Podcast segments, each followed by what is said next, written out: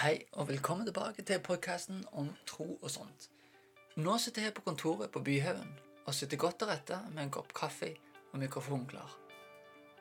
Jeg tror det er en spesiell tid vi er i nå, der vi har muligheten til å enten investere tid i noe som bringer liv, eller sette livet litt på pause og vente til stormen passerer. Jeg tror det er viktig å snakke om dette, om hvordan vi bruker tida vår. For vi er nå i en litt annerledes tid. Noen sitter hjemme med veldig lite tid til overs fordi barn, studier eller jobb eller andre situasjoner krever mer tid enn de gjorde før. Og andre derimot er kanskje nå i en tid der de har veldig mye mer tid. Jeg opplever personlig å ha mye mer tid tilgjengelig nå enn jeg hadde før. Tiden som jeg brukte på å reise fra A til B, er borte. Alt skjer liksom hjemme. Hjemmekontor, hjemmeeksamen, hjemmestudier osv. Det som skjer, er at plutselig sitter vi her med mye mer tid eller mye mindre tid.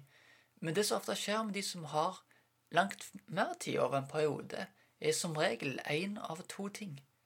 Enten velger vi å bruke tida på det som distraherer, mer enn det gir så mye. Og Det kan se ut som underholdning som Netflix, spill og YouTube, internettsurfing, TV-titting og alt det her. Nå ønsker jeg òg å være skikkelig tydelig og si at underholdning i seg sjøl ikke er noe negativt. Men det er tider som dette da vi har rom til å sette oss ned og bare sitte og slappe litt av, og det er helt greit, og det er helt kos. Men det kan bli et problem hvis det er det eneste vi gjør. Her er litt grunn til det. Når vi bruker tid som bare distraherer oss, og det snakker ikke om god underholdning eller ting som gir oss glede og liv, jeg snakker om ting som vi gjør fordi vi vet at vi bare ønsker at dagene skal gå. En utsetter ting som trengs å bli gjort, og tenker at ja, ja, nå som jeg har så mye tid, så kan jeg jo like godt gjøre det i morgen. Men det er ikke alltid nok tid. En kan si at det er jo alltid nok helt til det ikke er det. Problemet er en sparker bare den ballen lenger nedover veien, og når morgenen kommer, så ender du opp med å måtte gjøre mer. Fordi du gjorde ikke det du egentlig skulle gjort i går. For eksempel meg sjøl. Jeg skriver bachelor eh, og jobber med oppgave. Og en av utfordringene er å jobbe jevnt og trøtt med den. Sånn at ikke jeg nå i de siste ukene opp mot levering må sitte og pese og skrive fra morgen til kveld fordi jeg ikke brukte tida mye fornuftig nå. Det som andre som kan skje i denne tida, at en investerer tida og forvalter den godt på ting som har verdi. Og nå snakker jeg ikke om at du skal sitte og stresse og jobbe fra morgen til kveld. Jeg snakker om at det ser ut som å lære seg noe nytt, som nye hobbyer eller ferdigheter. Det kan bety å investere tid i relasjoner, som å snakke med venner som du ellers ikke har tid, tatt tid til å prate med. Det kan bety at du aktivt søker hvilen, som vi snakket om i den andre podkasten, med at du senker tempoen på dagene og gjør gode, nyttige grep i hverdagen, som å trene, spise sunt og sove godt. Det er utrolig hvor mye som kan forbedres når vi gjør sånne enkle tiltak. De som investerer tiden vel, kommer ut av en sånn periode som det her med mye godt i bagasjen. For greia er at du kan se tilbake og si at vet du hva, jeg har mye mer jeg kan jobbe med nå. Jeg har en hobby som jeg kan gå til når jeg merker at ting blir litt travelt. Jeg har en ny ferdighet som jeg kan hjelpe andre med, som forbedrer livskvaliteten for meg sjøl. Jeg har fått trent. Jeg i overskudd. Jeg er klar for det nye som kommer. Det handler om å ha en bærekraftig hverdag. For tiden er faktisk noe av det mest verdifulle vi har. Og når vi får mer tid å forvalte, så blir vi kanskje litt usikre på hva vi skal gjøre. Vi kan ende opp som han i Bibelen som graver ned talentene, det som har blitt gitt av sin mester, istedenfor å investere dem for å se at de vokser. Når vi blir gitt noe, så må vi forvalte det. Det å plutselig ha mer tid enn normalt er kanskje ikke så ukjent for de fleste av oss. Vi har jo ferier, permisjoner, sykemeldinger og lignende. Selv om tida kan være annerledes, så sitter vi likevel med mye tid. Og hvis du har en uke fri, så er det lett å sette litt ting på pause, og det er kanskje like greit, det, hvis hverdagen er veldig innholdsrik. Det å dra på ferie en plass og bare ikke forholde seg til mange av disse tingene som peser på hjemme, det tror jeg mange har godt av. Men når det begynner å bli mer enn ei uke, så kan uvaner komme inn i bildet. Livsstilsvaner som blir jevnt vedlikeholdt over to uker, blir en del av hverdagen. Det var noe vi lærte tidlig i militæret, idet vi gikk fra å være i det sivile til det militære. Når vi blir gitt forvalterskap av noe som er så verdifullt som tid, så står vi i fare for å sløse den bort. Tid er ferskvare. Du kan ikke spare det opp, for morgendagen er ingen garanti for oss. Når jeg var yngre og spilte mye dataspill, så merka jeg at når jeg hadde ferie, så økte antall timer jeg satt og spilte.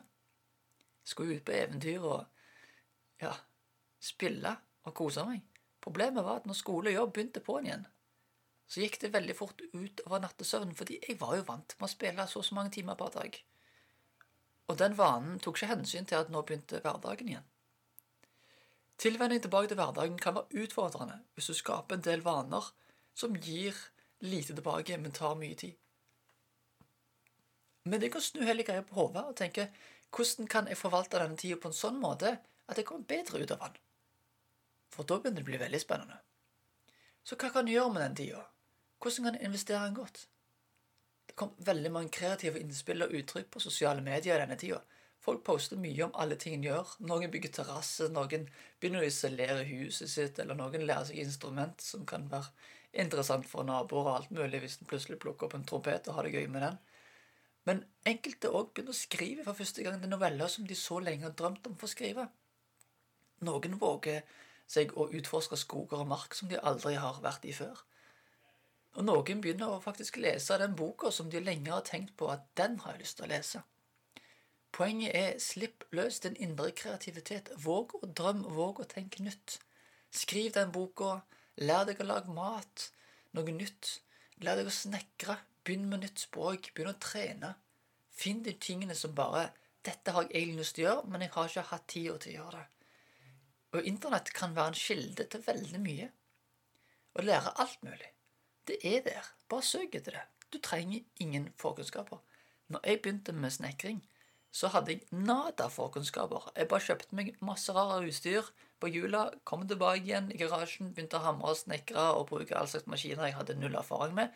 Og jeg lærte at vet du hva den beste måten å begynne på noe nytt, er å kjøpe det mest grunnleggende. En sag og en hammer og spiker. Trelim. Og bare go crazy. Gjennom det så lærte jeg fantastisk mye og fikk litt blåmerker og forskjellige vonde tomler etter å ha truffet feil på spikeren. Men det er sånt som skjer. Det er lov til å feile, og det er en del av prosessen av å lære. Men glem hva du ikke kan gjøre. Tenk nytt. Start der du er, og begynn med det du har. Begynn en plass. For noen kan det være den tida være en spesiell mulighet til å ta en revurdering. Ja, men Hva er det som er viktig i livet mitt, og hva er ikke viktig?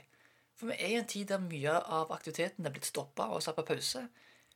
Hva merker du at du virkelig savner? Hva merker du at dette her har vært viktig for meg, jeg vil gjerne tilbake til det? Mens andre ting kan i verden tenke at vet du hva, den klubben, den aktiviteten, de greiene der som jeg gikk på før, det har egentlig ikke vært noe livgivende for meg eller andre. Det er bare noe jeg gjør fordi jeg føler jeg burde. Ta en revurdering hva du egentlig vil fortsette med. Jeg opplever i hvert fall at det er mye enklere å investere tid og godt når jeg først bruker tid med Gud. For greia er at når jeg får sette kursen sammen med Gud om morgenen, så opplever jeg at dagen er så sykt mye mer givende enn den ellers ville vært. For hvis vi skal være etterfølgere, så må vi se etter hvem vi følger. Ellers er vi egentlig ikke etterfølgere. Jeg har opplevd å gjøre mye spennende og fått mange kreative ideer etter å ha vært sammen med Gud om morgenen og på kveldene. Bruk denne tida klokt. Vi befinner oss i en usikker tid, og det er greit, men vi har ikke en usikker Gud. Innta denne tida med fred i hjertet og glede i hendene og forventning i blikket. Martin Cave sier noe som jeg elsker å sitere. Det er rett og slett genialt å si. Gud, hva gjør du nå? Når vi får se ting fra Guds perspektiv, så er det så sykt mye som endres. Istedenfor at jeg skal komme til Han med, mine punkt, med mine lister, så kan jeg lytte til min far i himmelen og spørre hva er det du gjør? Hva er det du ser? Det er snakk om å plassere seg sjøl og sitt hjerte i en posisjon der du klarer å høre hva Gud sier til deg i denne situasjonen. Det kan kreve at du våger å sette deg ned et sted som er fri for distraksjoner. Det kan se ut som å holde hendene rundt varm kaffekopp tidlig om morgenen og lukke øynene litt og be. En god bønn, syns jeg å be, er Gud, hva har du for oss i denne situasjonen? Hva er det du gjør? Hvordan kan jeg bli en del av det? Bli i bønn og vær ærlig med livet og situasjonen med din far i himmelen. Og vent. Vent på svar. Våg å vente mer enn tre sekunder. Har du tenkt over hvor langt tre sekunder er? Så lenge er det. Det virker litt lenge nå på den podkasten, for du sitter og lytter, så ja, men hva kommer nå? Det er ikke noe som kommer nå. Tre sekunder bare. Det er ikke mye. Men hva med ett minutt? Våger vi å være ett minutt stille? Kanskje to minutter? Av og til tar det litt tid før vissheten og freden senker seg inn, og vi klarer å ta imot og lytte og faktisk høre. Men våger vi faktisk å være stille lenger enn ett minutt? Vi var stille nå bare i tre sekunder, men testet det ut nå. Nå skal jeg bare være stille i syv sekunder. Syv sekunder.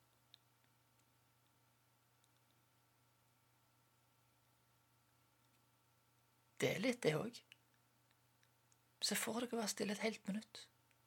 Det er rart hvor mye en kan få med seg hvis en bare er stille. Ingen andre distraksjoner. Ikke en TV, ikke radio, ikke, ikke musikk engang. Våg det òg, bare være stille en plass og ta imot av Han. For Gud svarer ikke alltid gjennom ord og bilder, men han kan svare gjennom visshet, fred og sånt. Det er så mange ganger jeg har bare lytta, vært helt stille, og jeg opplever han ikke sier noe. Får ingen bilder, får ingenting. Men så går jeg likevel ut av rommet og kjenner på at vet du hva, jeg har faktisk en dypere fred og glede enn jeg hadde når jeg gikk inn. Gud har snakket. Den beste investeringen i denne tida er å søke Gud. Og det er gjennom det så vil en oppleve å bli ledet inn i gode ting som vi kan gjøre i denne tida. Og kanskje den tida er bare begynnelsen på ditt største eventyr. Gud velsigne deg i denne tiden, og jeg ber at du skal få oppleve mye spennende og gøy framover. Guds fred og glede til deg i Jesu navn. Gå i fred og tjene pappa Gud med glede. Vi snakkes neste gang. Kos dere, dere. Hei da.